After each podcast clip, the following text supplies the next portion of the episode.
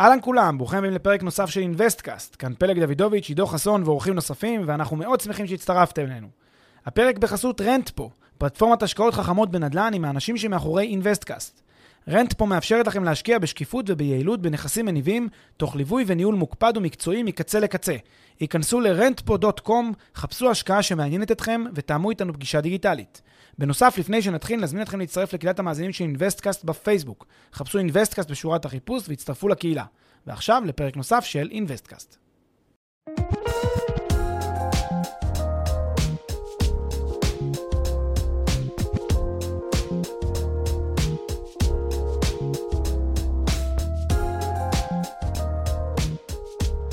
היי פלג, בוקר טוב. בוקר אור עידו. מה העניינים? מצוין, מה קורה? אצלי מצוין. אה, היום, כמו שאתה יודע, גם בגלל אה, משבר הקורונה וגם באופן כללי, החלטנו שאנחנו רוצים לחזור ולדבר באופן סדור אה, ונקודתי על מלכת ההשקעות בנדל"ן. השקעה בדירת מגורים כמובן, וכמנהגנו במהלך השיחה אנחנו נפרק את ההשקעה הזאת לרכיבים שלה.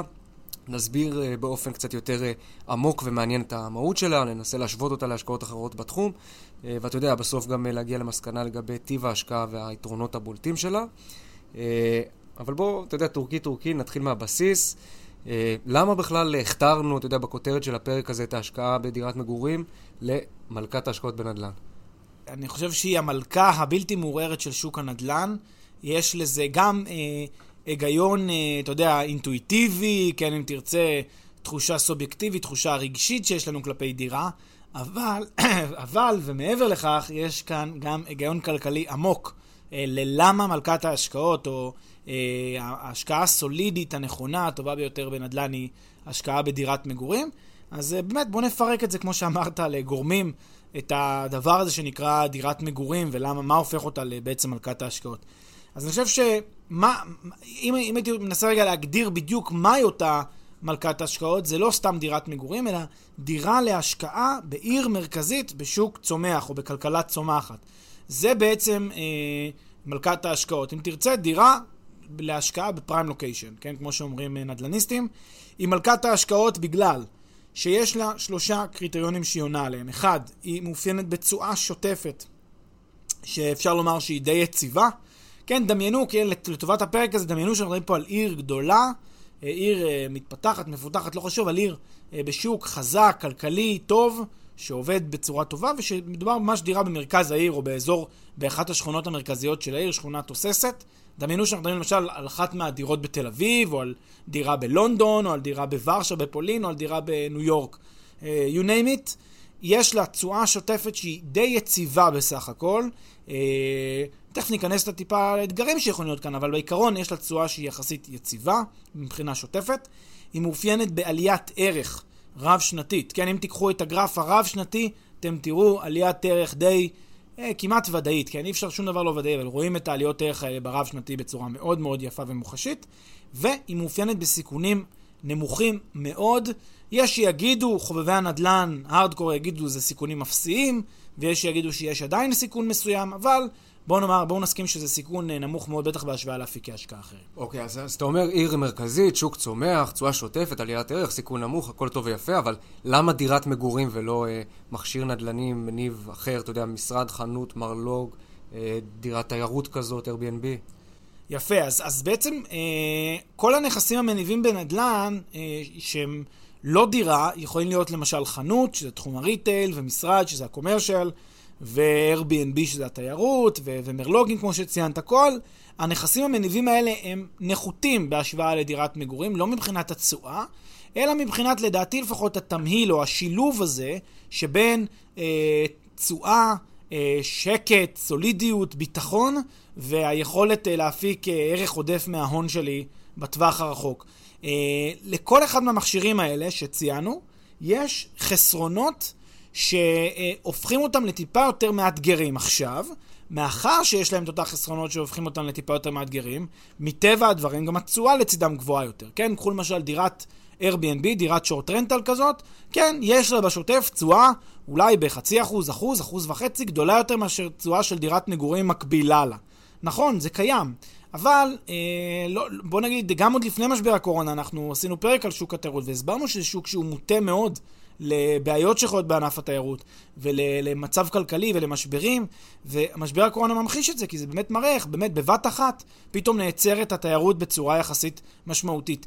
מה, רואים את זה בשוק התיירות כי זה מאוד חשוף לזה, זה מיד תנודתי, זה מיד מורגש. אז התשואה בשוטף היא תשואה גבוהה יותר, אבל היא באה לצידה אה, סיכון, שהוא סיכון גבוה יותר. כך גם למשל בתחום המשרדים, אז אה, עולם המשרדים זה אמנם, שוב, יש תשואות קצת יותר גבוהות, אבל יש בו חסרונות אחרים או מורכבויות אחרות. למשל, העובדה שאתה חייב אה, להירשם כעוסק כשיש לך משרד בבעלותך. העובדה שאתה צריך אה, לנהל לבד את הנכס, קשה מאוד למצוא חברות ניהול שבאמת דואגות לכל המושכרים במשרדים. העובדה שיש הרבה פעמים עודפי היצע במיוחד בארץ בגלל ההיבטים של הארנונה על משרדים שהם יותר גבוהים מאשר ארנונה למגורים, ולכן עיריות מתומרצות לייצר, כן, ולתמרץ פרויקטים מסחרים. אז הדבר הזה יוצר באמת אתגרים לשוק המשרדים, שאומנם יש ברגיל תשואה קצת יותר גדולה בשוטף, אבל זה בא עם איזשהו מחיר. ואם אנחנו שנייה מנסים למפות את זה בצורה יותר אה, ויזואלית, אז אפשר לדמיין שמלכת ההשקעות, אותה דירת מגורים, היא נמצאת במרכז המעגל, כשמסביבה, נקרא לזה מעגל הסיכון.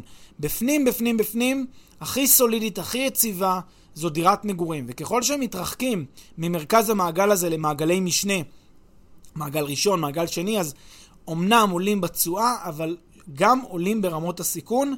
אה, ומתרחקים למעשה מה, מה, מהגרעין של, של עולם הנדל"ן ארדקור, אה, ואז באיזשהו מובן נכנסים ליותר סיכונים. ונכנסים ליותר הרפתקה. ואני בצד השמרני, אני תמיד, כן, אנחנו בכלל בפרופדו וגם באינבסטקאסט תמיד מעדיפים את הצד השמרני, כי אנחנו מדברים פה על כסף של אנשים. כסף שאמור לשרת אנשים בפנסיה. כשזה המצב, אי אפשר לקחת על הכסף הזה סיכונים לא אחראיים, סיכונים לא סבירים. וסיכון לא סביר זה להתחיל להתרחק. להתחיל להתרחק מהמעגל הזה, בשביל, בשביל מה? בשביל עוד חצי אחוז, אחוז תשואה. זה לא נכון כלכלית, לפחות ברמה הזאת, אבל שוב, לא, לא להיות גם גורף לזה, לא להיות גם קיצוני. אם מישהו מוצא באמת עסקה שהיא מתגמלת, שיש לה את ההיגיון שלה, ושהוא עשה בדיקה, ושהוא עשה את כל התהליך, ועדיין חשב שעדיף לקנות משרד, אה, אהלן וסהלן, אין שום בעיה עם זה. אבל צריך לוודא שזה אכן מה שתכננתם מלכתחילה, שעשיתם את הבדיקות ושזה לא סתם. אז, אז בגדול אתה אומר נדל"ן מניב לסוגיו השונים זה אחלה וזה טוב ויפה, אבל צריך להבין את הסיכונים, את העלויות העודפות, אה, רגולציה, והדברים האלה הם שהופכים את ההשקעה בדירה לפשוטה, יעילה ומתאימה יותר, נגיד, אה, לרוב המכריע של המשקיעים. כן, לגמרי, בהחלט. יפה, אז, אז התחשבתי ביתרונות של דירת מגורים ולקחתי בחשבון את הסיכון הנמוך ביחס לאלטרנטיבות, אבל אתה יודע, חשבתי לעצמי, שוק המגורים אמנם אה, מתאים לי, אבל ההתעסקות גדולה עליי, אה, זו השקעה ריכוזית מדי, אה, היבטים של פיזור, חלוקת סיכונים וכולי. אז למה בעצם דירת מגורים אחת ולא נניח share בצבר דירות בדרך של נניח ריטים או קרן פרטית שקונה כמה דירות ומוכרת יחידות השתתפות וכאלה? אז זהו, זאת כבר שאלה באמת, אה, קודם כל זאת שאלה מאוד לגיטימית, וכאן אתה נכנס בעצם לשאלה של בעלות ישירה או בעלות עקיפה. בעלות ישירה זה להיות באמת בעלים של נכס בבעלותך הישירה, לעומת בעלות עקיפה שזה להשקיע באמצעות אה, דרך קרנות, או דרך ריטים, או דרך אה, תאגידים, כשאני בעצם, כאן אתה מתייחס ממש לעסקה שהיא עסקת נכס מניב, כלומר, קונים נכס או צבר נכסים בבעלות, רק כשעושים את זה דרך איזשהו תאגיד. אז כעיקרון, אם הצלחת למצוא מודל שעושה פיזור יעיל של מספר דירות מגורים במודל שהוא סולידי, כמו המודל הזה של באמת מלכת ההשקעות שאנחנו מציינים, ושהוא עדיין עושה שכל כלכלי, ושעדיין יש תשואות שמתגמלות ביחס לרמות הסיכון, אז אני לא רואה שום בעיה להשקיע דרך המודל הזה. אלא מה? במציאות הכלכלית שאנחנו חיים בה היום, המציאות הרגולטורית, המציאות המיסויית, המציאות הפרקטית, כן? בפרקטיקה. אין שום מכשיר כזה אה, שבאמת יודע להכות או להצליח טוב יותר מאשר להיות בעלים של דירה, ויש לזה סיבות מאוד פשוטות. אה, הסיבה הראשונה היא סיבה של עלויות ההתאגדות עצמן. כשאני מייצר איזשהו תאגיד שהוא הולך עכשיו לנהל צבר דירות, להחזיק בבעלותו צבר דירות, צריך להקים את התאגיד הזה, צריך לנהל את התאגיד הזה, צריך לתפעל את התאגיד הזה, לא רק את הדירות עצמן, את התאגיד הזה. צריך שיהיה לו ניהול, צריך שיהיה לו איך, איכשהו, הדבר, איכשהו דיווחים למשקיעים, איך שתהיה מעין אופרציה של התאגיד הזה עצמו. ולדבר הזה יש עלויות, וזה, שוב, עלויות שמתווספות לעלויות הרגילות של ניהול הנכס. אז זה סוג אחד של עלויות. יש עוד עלויות, וזה עלויות מיסויות, כן? ההשקעה באמצעות תאגידים וכולי, זה, הש... זה השקעה שמיד אה, משנה את מערך המיסוי מקצה לקצה. בדרך כלל, ולא באופן גורף וחד משמעי, אבל בדרך כלל, מיסוי על יחיד שקונה חד פעמית דירה להשקעה, אה, הוא כמעט בכל המקרים יהיה משמעותית זול יותר מאשר מיסוי דרך תאגיד, שהוא עושה את העסקה דרך תאגיד. אה, מה שעושים זה, אם כבר בוחרים בתאגידים, אז מתחילים לבחור אם זה שותפות, אם זה חברה, איזה סוג של תאגיד, ואז מתחילים לבחור את המכשיר. אבל זה by all means תמיד יהיה, או כמעט תמיד יהיה נחות אל מול השקעה של יחיד, שוב, עם סייגים מסוימים, אבל ברוב המקרים זה יהיה נחות אל מול השקעה של יחיד שמשקיע ישירות בנכס, מבלי להזדקק לתאגיד, שבתהליך הזה יגבה מיסים שהם יותר, אה, יותר יקרים. ויש פה עוד בעיה, והיא לדעתי הבעיה אולי המרכזית ביותר, זה אלמנטים של דיני ניירות ערך, שלא מספיק נלקחים בחשבון אצל אה, כל מה שקשור להתאגדויות וכולי, אה, שזה בעצם אומר המגבלות הסטטוטוריות הרגולטוריות על אה, התאגדויות לצורכי השקעה. כל התאגדות לצורך השקעה של כסף באיזשהו מיזם, בין אם זה לקנות צבר דירות או מיזם אחר, מחויבת איזשהו תהליך רגולטורי או לקבל פטור, או באמצעות שיש פטור אה, חקוק, כן, בדיני, בחוק ניירות ערך, או במסלול ש, של, שלא, שלא עובד לפי פטור, מסלול של תשקיף בעצם, או כל מיני מסלולי משנה אחרים, אבל בגדול, אלה המסלולים אה, שהם יותר אה, מורכבים. ואז מתווספות בעצם עוד עלויות. אז מה זה בעצם אומר? יש לנו פה גם עלויות של התאגדות, גם עלויות של מיסים, גם עלויות של דיני ניירות ערך, שמתווספות כולן אל עצם הניהול והאופרציה של אותו צבר נכסים. אז, אז שוב, אם היית יכול בתיאוריה אה, לקנות צבר של נכסים בלי כל העלויות האלה, אז לא, לא הייתי מתנגד לזה, אבל פשוט בגלל שבפרקטיקה, במציאות, זה לא ממש אפשרי במודל שהוא יעיל ונכון, התשואה של המשקיעים כל כך נפגעת בצורה כל כך משמעותית, שהדבר הזה הופך את המודל הזה פשוט ללא כלכלי, למשקיעים. ו- ו- וזה אומרים חברה, שזה מה שהיא מנסה, אתה יודע, כל היום אנחנו עושים את הפתרונות האלה, גם למשקיעים שלנו, כי אנחנו כן רואים שיש צורך כזה לפעמים, לחלק מהמשקיעים לפחות. ואנחנו רואים, אין, זה לא פתרון טוב, זה לא נותן למשקיעים את המענה, כי התשואות נפגעות משמעותית, אז מה עשינו? רק בשביל עצם העובדה שהקמנו תאגידים וכולי, אז פגענו בתשואה, אז שכבר ישקיע ישירות בנכס. לא צריך את כל ההתעסקות הזאת. עכשיו, זה לא מפתיע ש- ש- שזה שזאת המסקנה, כי אתה באמת רואה שאין היום מודל אה, כמעט בכל העולם שעושה את זה בצורה מספיק מסודרת ו- וגדולה, והוא מה שנקרא, כן, גדול ו- ומוכיח את עצמו עם תשואות שמתגמנות למשקיעים, ולכן חזרנו אל מלכת ההשקעות, שזו אותה דירה יחידה אחת שאתה משקיע. לגבי, אבל, אתה יודע, קרנות שעושות את זה, יש כל מיני ריטים, דברים מהסוג הזה, אתה יודע, בכל זאת יש, יש מודלים שמצליחים. הריטים, הריטים הם באחוז מאוד מאוד קטן מהשווקים. אה, קשה לקרוא למודל הזה בינתיים מוצלח ברמה רחבה. זה נותן מענה לאיזשהו צורך. שים לב שכמעט כל הריטים הם הולכים סקטוריאלית. זאת אומרת, הם לא ילכו לרזידנציאל, אתה לא תראה נגיד ריט שמחזיק דירות בתל אביב. זה לא קיים דבר כזה, כי אין, אין, אין שום בשר. אז מה שיעשה הריט, הוא ילך או לכל מיני נכסים מסחריים, נכסים מכל מיני סוגים, טיפה יותר בשביל הגיוון של התיק, ואז אתה הולך שוב, אתה, אתה יוצא משוק המגורים, או שהוא עושה עסקאות טיפה יותר באזורים פריפריאליים עם קצת יותר בשר לתשואה, ואז שוב אתה מתרחק מהעיר המרכזית. לעצם ההשקעה בעיר מרכזית בצורה הזאת, אין לך ריטים כמעט שעושים את זה, זה מאוד נדיר.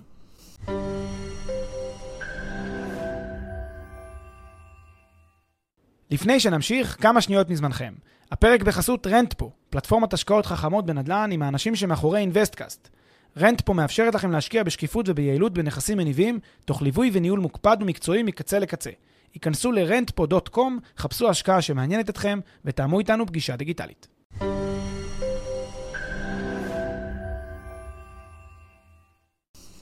טוב, אז אני מבין את העלויות העודפות של השקעה דרך תאגיד וכולי, אבל אני עדיין מוטרד מכל ההתעסקות שכרוכה בניהול של דירה, על אחת כמה וכמה אם היא לא בעיר שלי או אפילו לא במדינה שלי, ולפעמים מה לעשות, אני נאלץ לעשות את זה כי אני מבין שההזדמנויות נמצאות לאו דווקא איפה שאני גר. אה, בקיצור, אני רוצה להיות משקיע פסיבי, לא בא לי לעבוד יותר מדי בשביל הכסף שלי, ומה לעשות, דירת מגורים לפעמים דורשת את ההתעסקות הזאת. מה עושים? יפה, אז באמת בעבר, אה, אני חושב שהיה מאוד קשה לנהל אה, דירה ונכס, אם אתה לא, אה, אם אין לך את היתרון הלוקאלי, את היתרון המקומי, שאתה נמצא פיזית בשטח ושאתה בעצם אה, עושה את זה בעצמך, בכוחות עצמך וסומך על עצמך. אה, עם, עם ההתקדמות, גם הטכנולוגית וגם עם ההתקדמות של העולם. כן, העולם כולו, התפתחו חברות שנותנות מענה לצרכים בדיוק כזה, בדיוק מהסוג הזה של לנהל לאנשים מרחוק נכסים. עכשיו, כאן אה, אה, אה, היקף הניהול, או טווח הניהול, הוא משתנה בין אפס ניהול של חברה, שבעצם אתה עושה הכל, ל-100% ניהול של חברה. כלומר, שאתה לא עושה כלום, ממש ממש כלום. חברה שבעצם עושה בשבילך, מאלף ועד תף, את כל מה שקשור בנכס, שאתה ממש לא צריך לדאוג לזה לכלום. לכן, תיאורטית, אה, בעבר היה יותר קשה לעשות את זה, היום מעשית אה, זה לחלוטין אפשרי. ואתה יכול בלי, בלי התעסקות בכלל, שוב, זה, זה עניין שלך, הרבה אנשים דווקא הם כן מוצאים בנדל"ן את הרצון להיות מעורב, את הרצון אה, להיות בשליטה, ולכן אנשים כן לפעמים מושכים חזרה את, אתה יודע, את המושכות ורוצים אה, אה, כן לקבל שליטה וכן לקבל החלטות, וזה זכותם כי זה כמובן נכס שלהם, אבל בעיקרון... אה, אין היום את המחויבות הזאת, ואפשר להשקיע בצורה פסיבית לחלוטין, גם בדירה להשקעה, אשר שומה בבעלותכם לגמרי, בכל מובן שהוא. אז כן, אז אבל אתה אומר, אתה יודע, הכל טוב ונחמד ויפה, אבל קודם דיברת על עלויות עודפות של השקעה דרך תאגיד, עכשיו אנחנו מדברים על עלויות ניהול בהשקעה בדירה. אז מה, אתה יודע, ברמת העלויות העודפות, אין פה לכאורה יתרון מובן. אז זהו, שאותן עלויות שדיברנו קודם, עלויות ההתאגדות, ועלויות המיסוי, ועלויות דיני ניירות ערך, כל העלויות האלה הן בנוסף ובאופן מצטבר על עלויות הניהול הרגילות. כי גם לאותם חברות, תאגידים, שדרכם אני קונה צבר נכסים, עדיין תהיה להם חברת ניהול, עם איזושהי אופרציה של uh, מציאת שוכרים, ותחזוקה של הנכסים, וטיפול שוטף, וגבייה, ו- ו- ודברים מהסוג הזה. זה יהיה תשלום שבלאו הכי אתה נושא בו. מעבר לתשלום הזה, אז אתה גם משלם עוד עלויות, כמו שאמרתי קודם, התאגדות וכל מיני עלויות נוספות, שהן הופכות את ההשקעה דרך התאגידים בצבר הזה, הופכות להשקעה שהיא פחות... Uh, מתגמלת עם תשואה יותר נמוכה, ולכן, אה, שוב, חוזרים לזה שבהשוואה ביניהן, אה, דירה במובן הזה קצת יותר עדיפה. שוב, לא תמיד, אבל בחלק מהמקרים. אוקיי, יפה. אז, אז אני המשקיע מבין את היתרונות של דירת מגורים על פני נניח משרד, אני מבין את היתרונות של דירה בבעלות על נתח בצבר כזה של נכסים, אבל אתה יודע, שמעתי מחבר שיש קרנות השקעה יזמיות בפרויקטים של נדל"ן, בעיקר בחו"ל, סכומי כניסה לא גבוהים. במיוחד, אה, אפשר לפזר את יתר הכסף, אפשר להיות פסיבי בתהליך. מה, מה אתה אומר? יפה, אז, אז באמת, אה, אתה יודע, לנו כ, כאנשים בשוק הנדל"ן, אה, כמעט הכי קל בעולם ללכת לפרויקט יזמי, לגייס כסף לפרויקט היזמי הזה, זה גם חברה יזמית ברקע, וקל מאוד לגייס כסף, קל מאוד להביא אה, מימון לפרויקטים ולעשות פרויקט יזמי, והכל טוב ויפה לכאורה.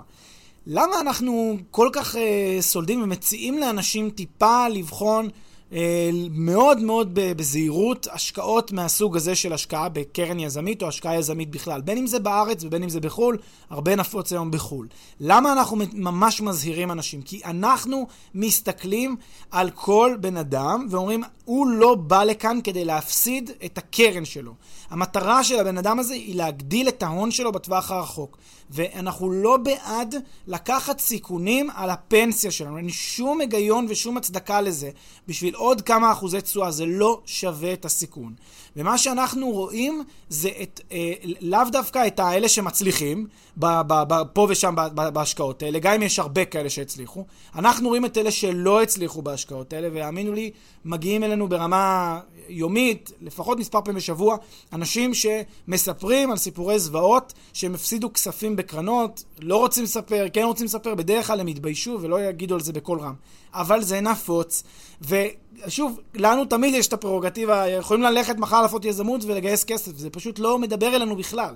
בגלל שאנחנו מבינים את הסיכון שיש בזה למשפחה, לזוג צעיר, לא יודע למי, שהכסף שלו, אותם 200-300 אלף שקל האלה שהוא בונה עליהם, הוא רוצה להגדיל אותם, הוא לא רוצה להקטין אותם, וגם אם... אה, חמישה משישה יצליחו, את השישי שלא הצליח והפסיד ונשאר בסוף עם 100 אלף שקל במקום ה-300, אותם לא רואים.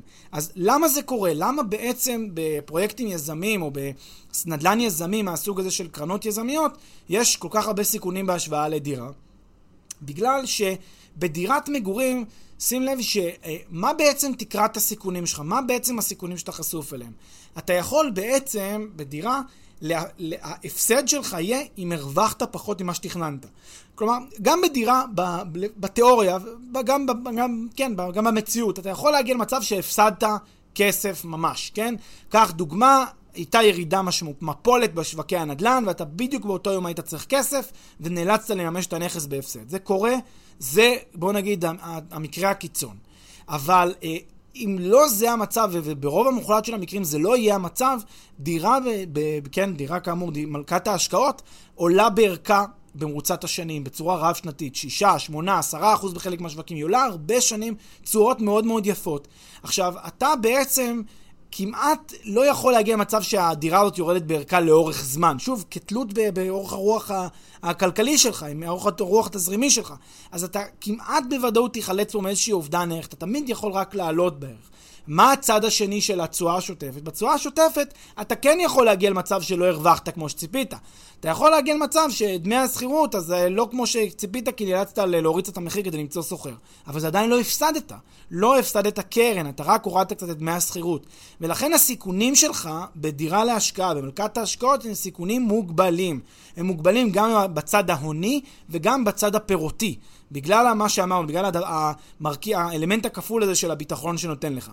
בפרויקט יזמי, however, התמונה לגמרי שונה. קודם כל, פרויקט יזמי נעשה בדרך כלל בתוך גבולות של זמן, עם מימון, עם איזושהי שכבה מימונית כזאת או אחרת, לפעמים זה יהיה מודל של הלוואה או מודל אה, אחר של כניסה הונית. בפרויקט הזה יש לו, יש חשיבות לעיתוי, יש חשיבות לביצוע, יש חשיבות למיומנות היזם, יש הרבה מאוד דברים בתהליך שמאוד מאוד חשוב שיצליחו כמו שצריך. עכשיו, אם משהו מהם לא קורה כמו שצריך ויש איזשהו דיליי, איזשהו עיכוב, יש חשש מאוד משמעותי מפני ירידה בהצלחה של הפרויקט. עכשיו, קל מאוד להסתכל על פשוט טבלת ניתוח רגישות של פרויקט יזמי ולראות שמספיק שיש ירידה של חמישה אחוז בהכנסות שהולכות להיות מה, מהפרויקט הזה, ואולי גם עלייה, עלייה של חמישה אחוז בהוצאות, כדי שהפרויקט כבר יהיה הפסדי. כלומר שהקרן, אם התחלתי עם 100 אלף דולר, אני עכשיו נשאר עם 75 אלף דולר. אז מספיק השינוי של החמישה אחוז האלה לכאן ולכאן, כדי שאני ארד ב-25 אחוז. עכשיו, אתה עכשיו צריך להגיד לי, אבל מה, יש גם סיכוי לתשואה עודפת? אתה צודק, יכול להיות שאני אפיק תשואה עודפת, יכול להיות. ואולי אה, חמישה מכל שישה יפיקו את התשואה העודפת, או לא יודע מה, חמישה מתוך שבעה או ארבעה מתוך שישה, זה לא משנה המספר.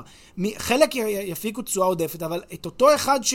אה, ולכל אחד יש את החבר הזה שכולנו גם אה, מדמיינים אותו עכשיו בראש, חבר, חברה, שהיו באיזה קרן כזאת או אחרת ונפלו איתה. והם עכשיו סוחבים את הסיפור הזה ויודעים לספר אותה, וחלקם אפילו גם לא מספרים לנו. ואז בעצם אותם אנשים שלא רואים אותם, שנחתכו 30%, 20%, 50% מהקרן שלהם, אלה אנשים שכבר לא יחזירו את זה במאה השקעות יזמיות שהם ייכנסו עכשיו, הם לא יחזירו כבר את ההפסד הזה. ובאיזשהו מובן זה מה שאנחנו צריכים לחשוש מפניו. ולכן כשאנחנו קוראים על מלכת ההשקעות, אומרים למלכת ההשקעות זו דירה להשקעה, זה לא בגלל שאנחנו חושבים שהיא התשואה הכי גבוהה, או שהיא הבוננזה, או שאף אחד אחר לא ראה את מה שאנחנו רואים. אנחנו אומרים הפוך. אנחנו אומרים שהיא מלכת ההשקעות בגלל שהיא השילוב הנכון בין התשואה שהיא נותנת לי לבין רמות הסיכון שהיא שמה אותי. היא עושה לי איזון נכון שלוקח אותי למצב של איזושהי רווחה כלכלית גבוהה בעתיד. זה מה שמאפיין את מלכת ההשקעות, ולכן אנחנו כ... כקבוצה, כחברה, בכלל כפודקסטרים כאן בתחום הזה, קוראים לכל בן אדם ש, ששומע תמיד לעשות את החשבון, לא על מה שקורה היום ומחר בבוקר כן כסף, לא כסף, אלא מה עוד 20 שנה, 15 שנה, 30 שנה, כשהוא בפנסיה, האם, הוא, האם חשוב לו עוד חצי מיליון שקל בפנסיה? האם חשוב לו עוד 800 אלף שקל בפנסיה? לדעתי רוב האנשים יגידו שכן, אז צריך לקחת את ההחלטות בהתאם. ואגב, אני קצת אקח את זה, אתה יודע, מהמקום הבינארי של אה, להפסיד את הקרן או לא להפסיד את הקרן. הרבה פעמים מה שלא שמים לב בהשקעות יזמיות, זה שאתה יודע, גם אם אה, נגיד, בוא נניח שארבעה משישה מצליחים ושניים אה, לא מצליחים ברמה של אובדן קרן, מתוך הארבעה האלה שלכאורה מצליחים, הרבה פעמים יש עיכובים בפרויקט, אתה יודע, זה פרויקט נגיד שלוש שנים, מדברים איתך על תשואה של עשרה אחוז בשנה, משהו כזה.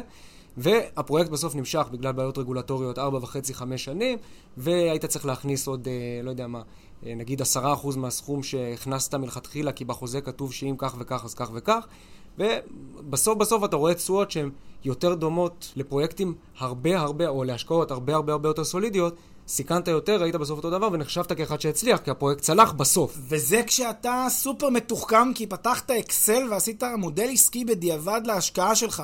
אתה יודע כמה אנשים סיפרו על השקעה מצוינת שהם עשו באיזה, באיזה פרויקט כזה וכזה, וסתם סיפרו לי בהתלהבות, ואמרתי, תן לי רק לראות את הנתונים כדי להבין. לא תמיד אמרתי להם, כי לא הייתי כזה, אבל אה, כן ראיתי בנתונים כשהצבתי אותם, שזה ממש ממש לא הצלחה.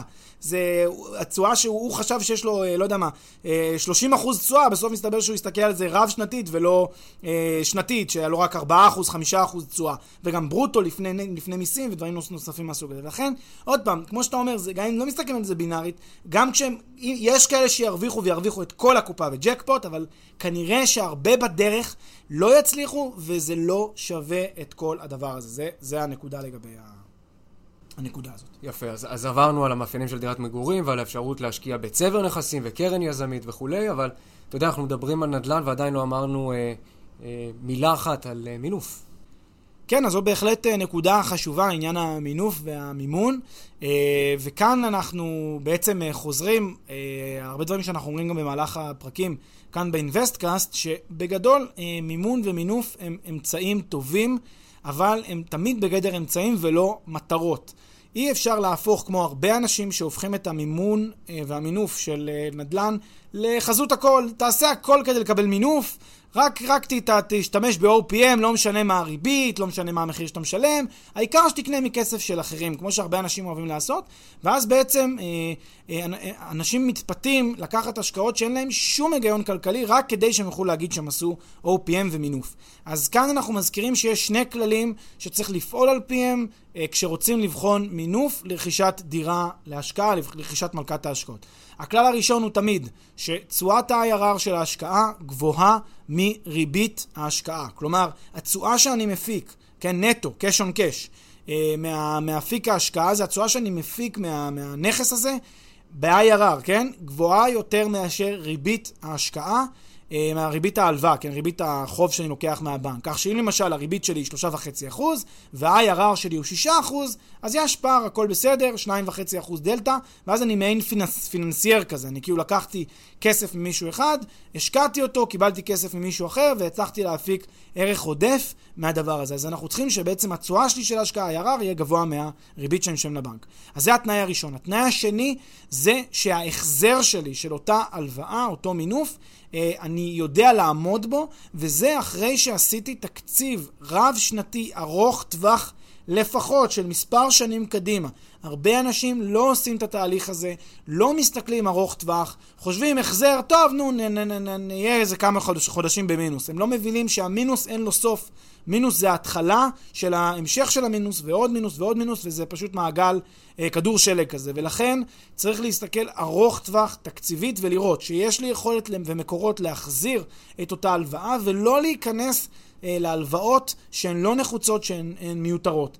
לכן, במובן הזה, כאמור, מינוף זה אמצעי, הוא לא מטרה, ועוד אה, נקודה, ברשותך, יש לפעמים מצבים שבהם פשוט אי אפשר לקבל מינוף במדינה שאני רוצה להשקיע בה, או כדי לקנות את הנכס שאני מעוניין בו, אי אפשר. אז האם זה אומר שאני אוותר על ההשקעה כי אני לא יכול לקבל מינוף במדינה ההיא? אז התשובה היא לא. אני צריך לחשוב על פתרונות שבהם אני יכול להשיג את הכסף כדי לקנות אותו. אז פתרון אחד זה למשל, כמו שאנחנו יכולים תמיד, אה, לבדוק אם יש איזושהי אה, קופת גמל, קרן השתלמות, קרן פנסיה, דברים מהסוג הזה, שאני יכול לקחת הלוואה ובעצם למשכן את, אותה, את אותן זכויות שיש לי מכוח קרן ההשתלמות הזאת ולקבל הלוואה בתנאים טובים מאוד, מאוד משתלמים. אה, שוב, לא, בתנאי, לא בתקופות קורונה, אבל אולי קצת אחרי, לבדוק את הדבר הזה ועל דרך, על, על דרך הסכום הזה שקיבלתי בעצם להשקיע אותו באיפה שאני מחפש להשקיע. אז זה הצורה הראשונה. צורה שנייה, אני יכול לעשות מעין מודלים של לרכוש, אה, אה, ב- לשלם מקדמה, אם זה דירה חדשה, לשלם מקדמה לקבלן, ואז למכור קצת לפני המסירה, גם על זה דיברנו.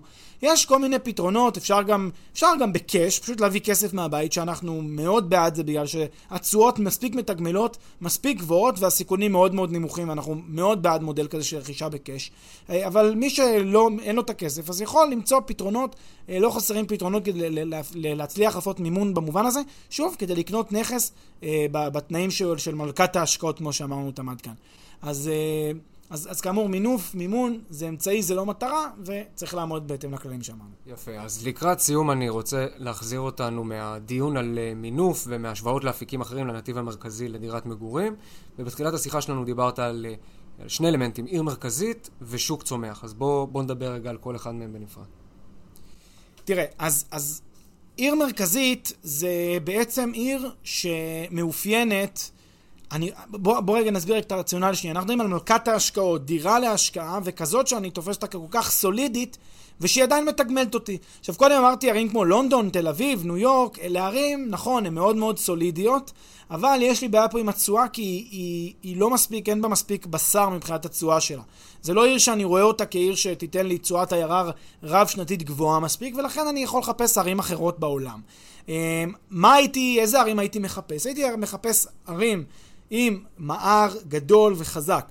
מרכז עסקים עם, אה, כן, business districts מאוד גדולים, מפותחים עם מטות של מוסדות פיננסיים, מאוד חשוב למצוא את המוסדות הפיננסיים הגדולים שיש להם, בין אם זה, בין אם זה בנקים, בין אם זה חברות, אה, קרנות, אה, כן, מוסדיות, ובין אם זה חברות ייעוץ, ובין אם זה משרדי רואי חשבון, כל הקורפרטס הגדולים שמניעים כלכלות, שיש להם מטות בעיר הזאת שאני רוצה להשקיע בה, זה סיגנל שזאת עיר מרכזית מספיק כדי להשקיע בה.